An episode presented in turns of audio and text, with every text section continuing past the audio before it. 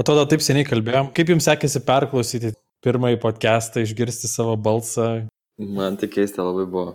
Kai, na, nu, šiaip neįpratęs savo balso niekada klausytis, tai labai keista savo balsą girdėti. Man irgi taip pat. Bet aš save godžiu, kad yra kažkoks mokslinis paaiškinimas, kad uh, savo balsas yra ten, kad mes, kai patys kalbam, mes jį girdim kitokiu dažniu, nes jisai labai stipriai eina per, kažkaip per mūsų kūną. Uh, o kai rašai ir tada nebėra tų vibracijų kūne ir todėl tada atrodo toks labai nenatūralus ir kažkoks visai kito žmogaus balsas ir mm. jis sukelia tokį psichologinį diskomfortą. Aš tai pastebėjau, kad mano balsas kiekvieną kartą vis kitoks, tarkim, aš kažkaip esu save girdėjęs, tai nebestebina taip smarkiai, bet vis kitą, vis kitą kartą vis kažkas truputį kitaip būna. Čia gal yra koks nors nuo paros laiko, gal tu ryte kalbi vienu balsu, vakarais kalbi kitu balsu. Dabar galvoju tiesiog, kadangi mūsų šitas podcastas yra toks kaip ir lietuviškas, net nežinau, kaip reikėtų gražiai pavadinti terminą side projects. Čia kaip, kaip ir pamokinė veikla. Skamba, kad dabar turėsim e, čia vis, viską diskutuojant šitą problemą, lietuviškai vardinti visko pavadinimą. Bet gal tai gera labai problema, kaip tik e, išmoksime šnekėti. Tai reikia Taip. kokį kalbininką pasiimti į podcastą. Oi, tai tada reikėtų jau pradėti, jau vien pavadinimas mūsų yra kalbininkų įžeidimas tikriausiai. Bet aš iš tiesų irgi tai pagalvojau, klausydamas pirmo įrašo, kad galvoju, oho, kiek daug anglicizmų naudoju ir kuriuos, va, iš tiesų būtų visai įdomu paieškoti, kaip reikėtų tą kalbą gražinti ir panaudoti lietuviškus terminus apie pa pamokinę veiklą arba kitaip side projects. Tai iš tiesų man tokia visai yra įdomi tema, nes e, aš tiek daug metų, kiek, kiek esu programuotojas, tiek visą laiką iš tiesų mano galvoje visuomet sukdavosi uh, imti ir daryti kažką tokio side projectais. Ir tai būdavo dažnai gal netgi toks noras kažkokių paeksperimentuoti programavimo kalbų, kartais netgi iš tokios noro pabandyti gal sukurti kažkokį produktą arba projektą, kuris tenkintų labai tokį asmeninį gal tokį interesą. Bet iš tiesų, per visus tuos jau dešimtmetį metų, kai esu programuotojas ir kiek aš esu bandęs pagaminti tikrą tokį side projektą, kurį galėčiau, sugebėčiau iš tiesų užbaigti, šipinti, atiduoti žmonėms naudoti arba bent jau iš tiesų sukurti tokį, kad galėčiau tikrai užsikliuoti savo kaip etiketę, kad o, padariau, viskas baigta, yra kažkas, kas yra taip pasiekė, kad ir labai maža, bet kažkokia finišo linija, bet taip niekada iš tiesų man taip niekada nepavyko. Ir nepaisant šitokios didžiulės tokios frustracijos, aš vis tiek esu vis dar susidomėjęs ir taip noriu vis tiek grįžti prie to ir iš tiesų iš dalies taip daryti tokį kaip Sizifo darbą. Tai iš tiesų, tai vad man įdomu iš tiesų šiandien gal vat, su jumis šiek tiek biškai padiskutuoti e, apie jūsų bandymus daryti, bandyti, e, kokios buvo jūsų sėkmės, kokie buvo jūsų metodai, kokios jūsų yra geros patirtis, blogos patirtis. Tai va, tai ar jūs darot side projektų, turit?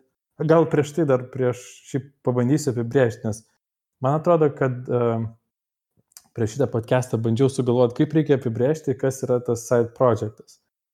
Uh, man atrodo, kad side projektas yra iš tiesų bet kokia veikla, kuri būtų, bet kokia veikla, kuri iš tiesų rezultate būtų pasiekiama ir kitiems žmonėms, ir kitai auditorijai. Tai galbūt netgi streaminimas Twitch'e ir žaidimų žaidimas, ir kai žmonės prisijungia ir stebi tave, tai yra tikrai side projectas. Open sourcinio projekto kūrimas, kur tu kodiniai kažką tokio fan ir duodi kitiems naudotis, bet gal net ir niekas nesinaudoja, tai yra tikrai side projectas.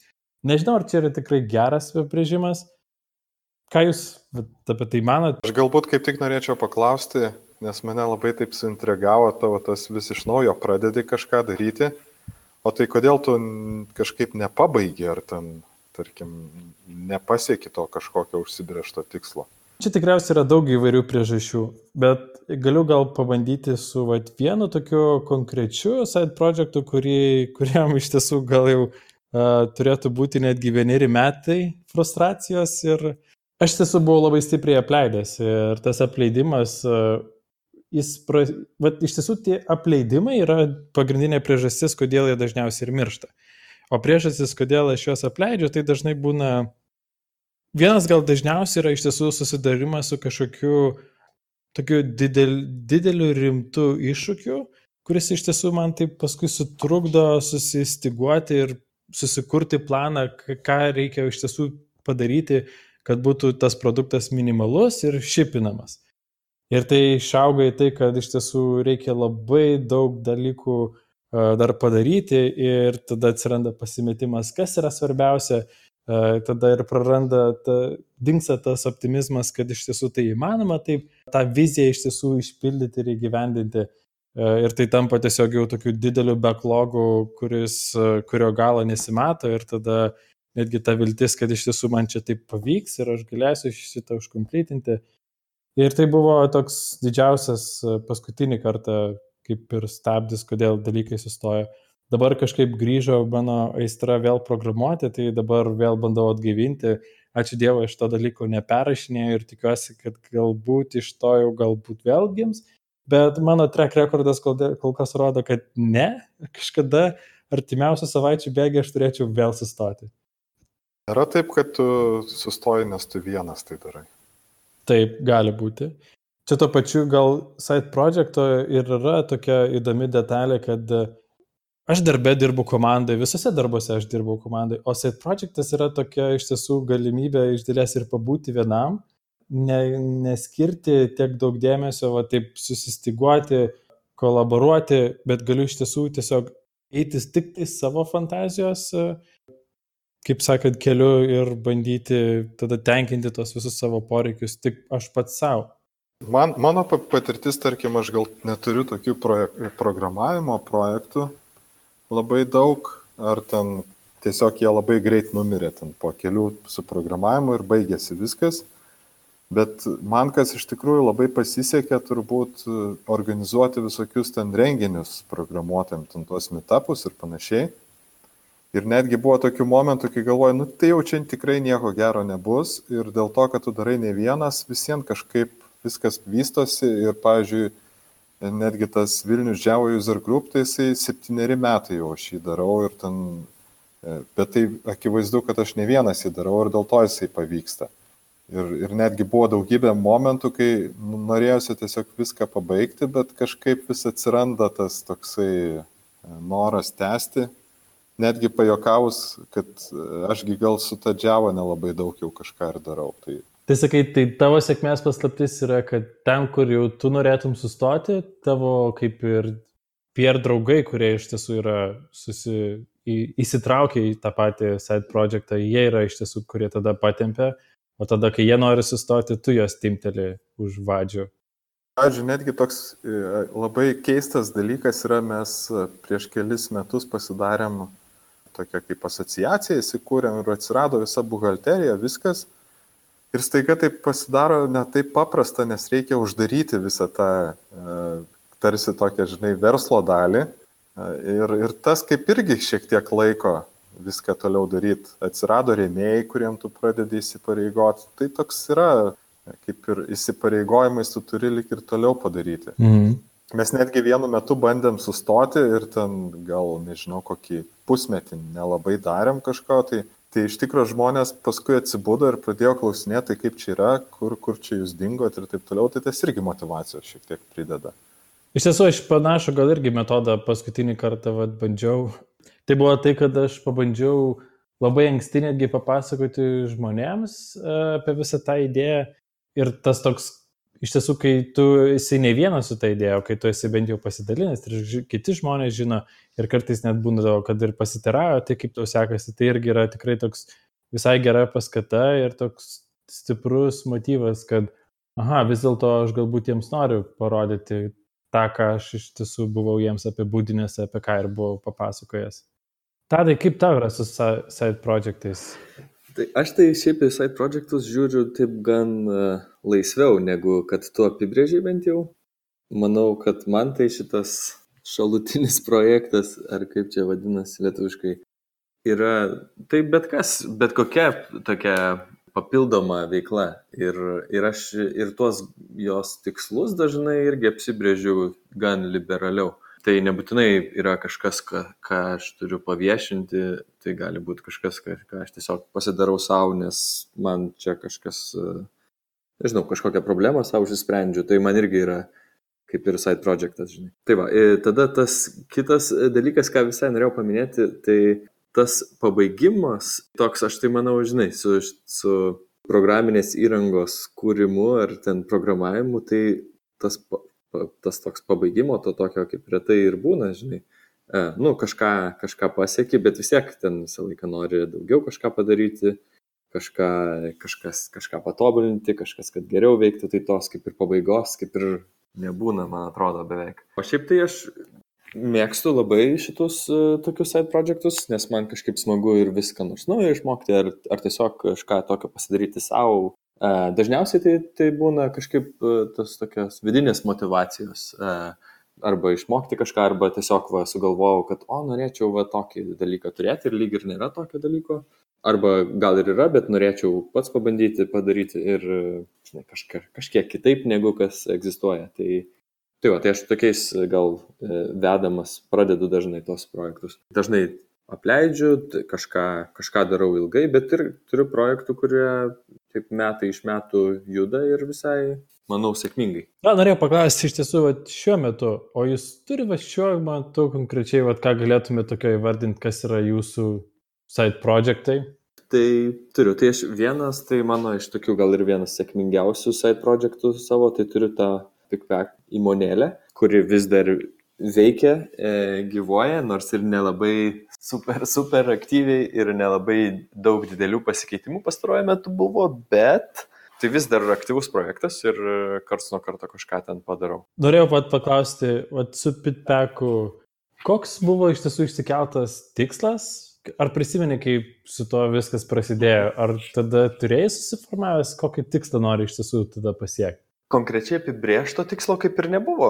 Vienas tai, kas irgi tikrai su šitu projektu padėjo, tai nuo pat pradžių buvo planas daryti kažkokį verslą, nors ir mažą verslą. Ir aš buvau ne vienas visą laiką. Tai tas, kaip ir Vaidas minėjo, man irgi tikrai daug kartų iš tokių situacijų, kai žinai, kartais būna, kad jau ten apleidai ir kažkaip prarandi tą susidomėjimą, tai tikrai padeda iš, išsistumti. Tai va, o Taip, tai grįžtant prie tavo klausimo, kokia buvo pirminė motivacija, tai norėjom tiesiog, buvo ta idėja tokį padaryti produktą, pradėti pardavinėti ir tiesiog, kad tai veiktų, žinai, pradžioj. Tai mes prasidėjo, čia buvo su to Instagramo, buvo banga ta pirminė, kai, kai ten labai smarkiai augo. Ir mes kaip tik e, dirbom kartu, tai aš su, su draugu Jakobu dirbau kartu įmonėje, tokioje, kur turėjom partnerį, kuris spaustu, e, spaustuvę, kurie spausdino tuo metu, kaip čia vadinasi, stu, mokymosi nu, ten kaip knygas, tarkim. E, nebūtinai knygas, nu, bet, ten, bet kokius e, mokslo e, ten dokumentus. Mokslo inventorių. Jo, nu, žinai, ar ten konspektus kažkokius, ar, ar ten kažką. Tai mes jau turėjom kaip ir visai tokį užmesgę ryšį su, su šitą spaustuvę ir paskui susidraugavom visai ten su jos tuo direktorium. Ir kadangi turėjom tokį ryšį su spaustuvė, tai va ir taip mes ir, ir tęsim tą draugystę. Tai kadangi va, kilo ta Instagramo banga, norėjom e, leisti žmonėm nusipirkti šitos uh, nuotraukytės pa, gražiai pa, už, užfiltrintas. Tai taip ir padarėm. O, o, o paskui kilo ir naujų idėjų, kaip ten gal čia, gal čia ne tik Instagramas, gal čia dar kažkas, gal čia ne tik magnetukai. Tai... Mhm. Tai iš tiesų, ką Vaidas ir sakė, jo, turėjimas uh, PR žmogaus, kuris, su kuriuo darant, tai iš tiesų gal ir visai sukuria tokią, nu kol kas yra tada su tavo projektu, tai yra sėkmės gal įrodymas, kad projektas tęsiasi ir, ir jis juda. Jo, tai čia tas sėkmė, tai irgi žinai, kaip čia, kaip čia apibrėžti, kaip įvardinsi sėkmę, žinai. Kas yra ta sėkmė, tai nežinau, bet šiaip tai man tai bet kuriuo atveju sėkmė jau buvo nuo pat paleidimo, nes žinai, kaip ir, kaip ir minėjau, tas pirminis tikslas, kuris buvo užsibrieštas, tai buvo įvykdytas ir, ir sėkmingai, ir daug išmokau tai bedarydamas ir tai šiaip tikrai labai smagi visa kelionė ta, tokia. Tai jau, jau nuo pat pradžių, žinai, po, po pirmų ten mėnesių sakyčiau, kad jau mano akim visai sėkmingas buvo projektas. Ne, tai nebūtinai sėkmingas verslas dar, žinai, bet jau sėkmė. O aš turiu tokį klausimą, čia buvo koks nors, tarkim, noras, pavyzdžiui, gal technologijas kažkokias pasibandyti ar dar kažką tokio? Buvo, tai šiaip tai visai, jo, visai įdomu, kad paklausai, tai čia kaip ir ne, nebuvo, kad priminė motivacija, bet tai buvo, nu, kadangi, kadangi čia naują kuriu projektą nuo nulio, tai visai gera proga, ką nors naujo išbandyti. Tai tą progą išbandžiau MongoDB šitam projekte. Ne dėl, ne dėl to, kad tai gerai tiktų tam projektui, bet tiesiog norėjau pas, pasižaisti su ta dombaze ir pradėjau naudoti ir iki dabar vis dar ten naudoju, nors ten visiškai nebuvo geriausias sprendimas, bet, bet kaip ir ne, nieko ir blogo, viską, žinai, ten neblogai daro. Tai va, ir dar ten kelis tokius tada mažesnius dalykus, kažkokius mažesnius ten įrankius pabandžiau, ten kažkokią naują templatinimo kalbą, berots išbandžiau to, tą progą, bet dar kažką tokio. Tarp visų mano side projektų buvo įtin toks smulkus side projektas. Jis tikriausiai bus sėkmingas, nes jis yra paremtas motivacija tuo, kad e, e, bus mano vestuvės ir toms vestuvėms reikia pasiruošti ir reikėjo sukodinti tokį mažą projektėlį. Ir iš tiesų ir aš taip pat galvojau, galbūt tai tokia būtų visai įdomi proga pabandyti tokių technologijų, uh, kurios man pačiam tokias smalsu ir įdomu, kas ten vyksta. Nežinau, ar esat girdėję, yra toks AWS turi tokį projektą Amplify, kuris leidžia kickstartinti labai greitai kažkokį savo smulkų produktą, sukurti registraciją, domenų saugojimą, viso to projekto patalpinimą ir pradėjęs daryti būtent, pagalvojau, okei, okay, pabandysiu, labai greit susidūriau su tokiais barjerais, kur tiesiog man reikia daryti kitaip, negu siūlo tutorialsai ir bandymas surasti, kaip aš galėčiau tada išeiti iš tos vagos ir atrasti tinkamą sprendimą savo, tapo toks uh, pajutau, kaip greitai galiu įklimti ir iš tiesų visai apleisti tą tikslą, kuris yra iš tiesų tiesiog šipinti. Ir tai galiausiai perėjau prie to, kad naudoti viską, kas man yra pažįstama ir žinoma. Bet nepaisant tos tokios žinomos aplinkos, tik tais labai smulkiai, labai po vieną komponentą bandyti įdėti kažko naujo. Kai, yra, kai tu turi tikslą, kad tau reikia iš tiesų šipinti, tuomet galbūt netinkamas metas iš tiesų eksperimentuoti ir bandyti ir kažką naujo mokytis bet tikriausiai kitą kartą, kai neišsikeliusi savo to tikslo, kad reikia šipinti, gal tada yra tikrai geras metas ir tikrai leisti savo, kas iš tiesų labai greitai ir paklampintų, bet gal ir duotų daug, tokios, daug žinių ir daug išmokimo kažko naujo. Mm, pritariu, tikrai aš irgi esu ne, ne viename buvęs hackathone, kur sugalvojau, nu tai čia va ta proga visiškai kažką naujo naudosiu ir tada ir praleidai didžiąją dalį laiko ten bandydamas išsiaiškinti ir ten basicus visokius ten išmokti. Tai ir galiausiai nieko ten normaliai ne, nepabaigi. Tai aš manau, gal priklauso nuo to, aišku, koks tikslas. Tai jeigu tikslas pasimokyti technologijos, tai kaip ir super, bet jo, jeigu nori šipinti, tai visiškai nauj, nauja technologija dažniausiai nelabai padeda. Aš, aš kaip tik irgi turiu tokią istoriją, aš prisiminiau, kad iš tikrųjų aš irgi kartais paprogramuoju set projektus ir netgi turėjom ten su keliais draugais bandėm padaryti, kadangi mes e, dviračiais važinėjom ir norėjom pasimatuoti, kaip mes greit ant trasą įveikiam ir norėjom varžybom padaryti tokią įrangą, kuri matuotų būtent tą nusileidimą. Ir kas įdomiausia buvo, kad mes e, ten buvom gal kokie trys, trys ar keturiese, kurie prie to dirbo. E, aš dariau tą softą visą programinį įrangai, Ir, ir dar buvo hardvarą, kas darė, tai mes realiai tą visą projektėlį sufeilinom su hardvaru, nes pagrindinis tikslas buvo padaryti, kad būtų lengva tą daiktą naudoti, kad jisai pakankamai tiksliai veiktų ir būtų saliginai pigus. Tai šitą sufeilinom Bet tuo pačiu aš išsikėliau tokių įdomių tikslų. Tai buvo mano pirmas projektas, kur aš backendę naudojau JavaScript ir tas buvo labai įdomu. Ten naudojau tokius dalykus kaip Reactive Extensions ir ten skaičiavau tos eventus ten įvairiai. Žodžiu, labai įdomus projektas buvo, bet nieko gero mums ten nesigavo.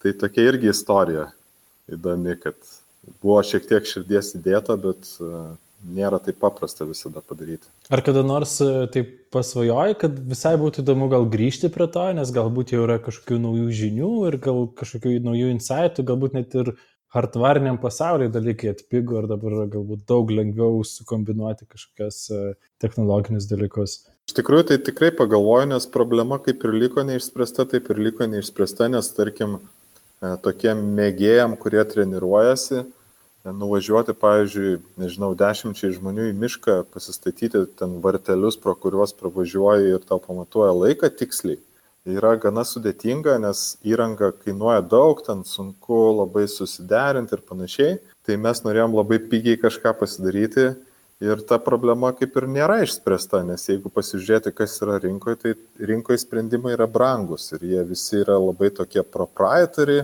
Mes irgi iš tikrųjų darėm proprietary sprendimą, nes galvom, kad galbūt netgi galėsim kažkiek užsidirbti iš to viso dalyko. Bet vis kyla ta mintis, nes man labai patiko programuoti. Ten yra labai įdomių problemų, tokių kaip pavyzdžiui, kas jeigu, sakykime, važiuoja e, trasoje dalyvis ir jisai nefinišuoja ir tu turi kelis vartelius, tarkim, trasos pradžioje ir pabaigoje.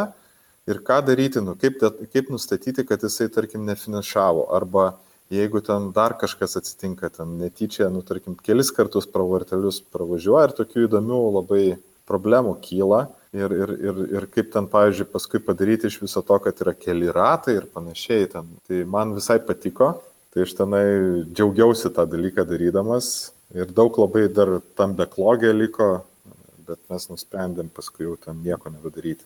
Čia yra toks dar vienas ir įdomus irgi rakursas apie, apie tą vat, tą džiaugsmą iš tiesų, kas suteikia to tokį tavo malonumą, kaip vadai girdžiu, kai tu apibūdintai atrodo, kad iš tiesų tos tokios unikalios problemos, kurios yra netaip dažnai sutinkamos darbe ir galbūt jos yra tokios labai nišinės ir susijusios su to, tavo hobiu, sportu, kurį, kurio tu užsiemi. Bet aš kartais pagalvoju, nes mano side projektuose dažnai vis tiek yra tikslas, kad aš noriu iš tiesų patirti tą tokį šipinimo jausmą, Vat kaip ir Tadas pasakojo, kai jis su draugu šipino pitpacker, kur, kur, kad, kai tu žinai, kad kažką tu launčini, kad kažkas yra jau uh, galbūt ir netobulo, bet kažkas yra padaryta ir gali rodyti kitiems, tai yra toks, toks labai neapsakomai didžiulis uh, malonumas. Aš dažnai labai iš tiesų irgi atlaininu savo side projektus, kad noriu to tikslo bet tuo pačiu aš labai kaip ir savo prieštrauju, nes e, žinau, kad darbo patirtimi, kad e, norint pasiekti tikslą, visuomet reikia iš tiesų turėti gerą planą, turėti gerą backlogą. Galbūt netgi iš tiesų, jeigu aš pasimatuočiau story pointais e, tos, tos challenges, kurias noriu įgyvendinti, galbūt aš ir matyčiau, kad aš čia galiu ir turėti net ir burn down chartą ir kad eliminuoti kai kuriuos dalykus, nežinosiu, kad, okei, okay, aš neprieisiu savo šipinimo tikslo. Bet to pačiu taip pat mane ir gasina, kad iš tiesų aš gal taip stipriai sumažinsiu savo tą tokį pasimėgavimą tą daryti, nes viskas taps tokia pat labai struktūra, tokia pat, kur ir tiesiog kaip ir darbe tenka iš tiesų siekti e, ir sėkmingai galbūt kartais tikrai siekti e, to šipinamų produktų. Nu, kad tik burnout čartas ne, nepataptų. Bet šiaip tai vėlgi grįžtant prie to hobio, tarkim, man atrodo, kad hobis labai gera vieta tokiem versliukam pradėti, nes aš dabar pagalvoju, kad aš turbūt kokius minimum du projektus dabar atsimenu, bet tikrai žinau, kad ne vieną kartą esu prisėdęs ten su mepais kažką bandęs daryti, kad dviračiam tiktų. Galvojau, kaip čia padaryti, kad mes galėtume grupėje susitikti, važinėti ant kažkaip ir tokių buvo, ir, ir tos problemos yra iš dalies jau išspręstos. Ten yra, tarkim, koks nors stravo servisas ar dar kažkas, kurie daro labai panašius dalykus, bet jie ne visiškai daro tai, ko aš, pavyzdžiui, norėjau. Tai tam, tarkim, mano backlogė ten buvo dar tų įdomių e, feature'ų, kurie, man atrodo, iki šiol nėra kažko, kažkokios alternatyvos jiem. Jeigu į juos žiūrėti kaip į kažkokį versliuką, tai turbūt tai išeitų kažkas. Klausimas, aišku, kokio dydžio rinka ten yra. O dar visai man smalsu apie tą backlogą. O tas backlogas buvo suprioritizuotas? Be abejo, kad ne, nes ten prioritetas turbūt buvo, o man smagu, pavyzdžiui, dabar pažiūrėti, kiek aš galiu, pavyzdžiui, su kokiais nors ten Google Mapsais padaryti. Ar, pavyzdžiui, ten galbūt yra kažkokia nemokama alternatyva, ar dar kažkas tokio. Vat tokie, arba, pavyzdžiui, aš kai dariau ten tą laiko matavimo sistemėlę, tai, tarkim, frontendė aš labai norėjau Cycle.js pabandyti ir aš pabandžiau tą. Ir man buvo labai daug turbūt motivatorių, kurie, nu, ne visiškai vedė prie to, ką reikėtų daryti, o labiau dariau tai, kas man atrodė exciting tuo metu. Aha, supratau. Tai vadinasi, ne aš vienas, kuris turi backlogą prioritizuotą pagal exciting stulpelį. tai čia irgi prioritetas, ne? Ir štai todėl tas burndown chartas excitemento, jis galiausiai aš sudeginu visus savo exciting pointus, jų nebelieka. Ir mano kartais galva dėl to projektai ir pereina į žiemos miegą. Mhm. Tai jo, čia man visai primena, aš tai kartais turiu tokį irgi problemą, kad žinai, kai darau kokį, kokį va projektą ir, ir turiu tokius, um, žinai, didžiausius, uh, nu vieną, kas yra labiausiai exciting, bet dar ir kitą, kas labiausiai yra didžiausias pain pointas. Tai tarkim, žinai, darau kokį projektą, nu ir ten pagrindinį ten feature, žinai, ar ten kažkokius pagrindinius feature'us padarau. Kaip ir man jau tą didžiąją skausmo dalį išsprendžia, aš jau jį ten visai gal naudoju ir aš norėčiau tą projektą išleisti paviešinti, bet, žinai, dar, kad paviešinti, tai reikia va, dar šitus dalykus iš backlogo padaryti.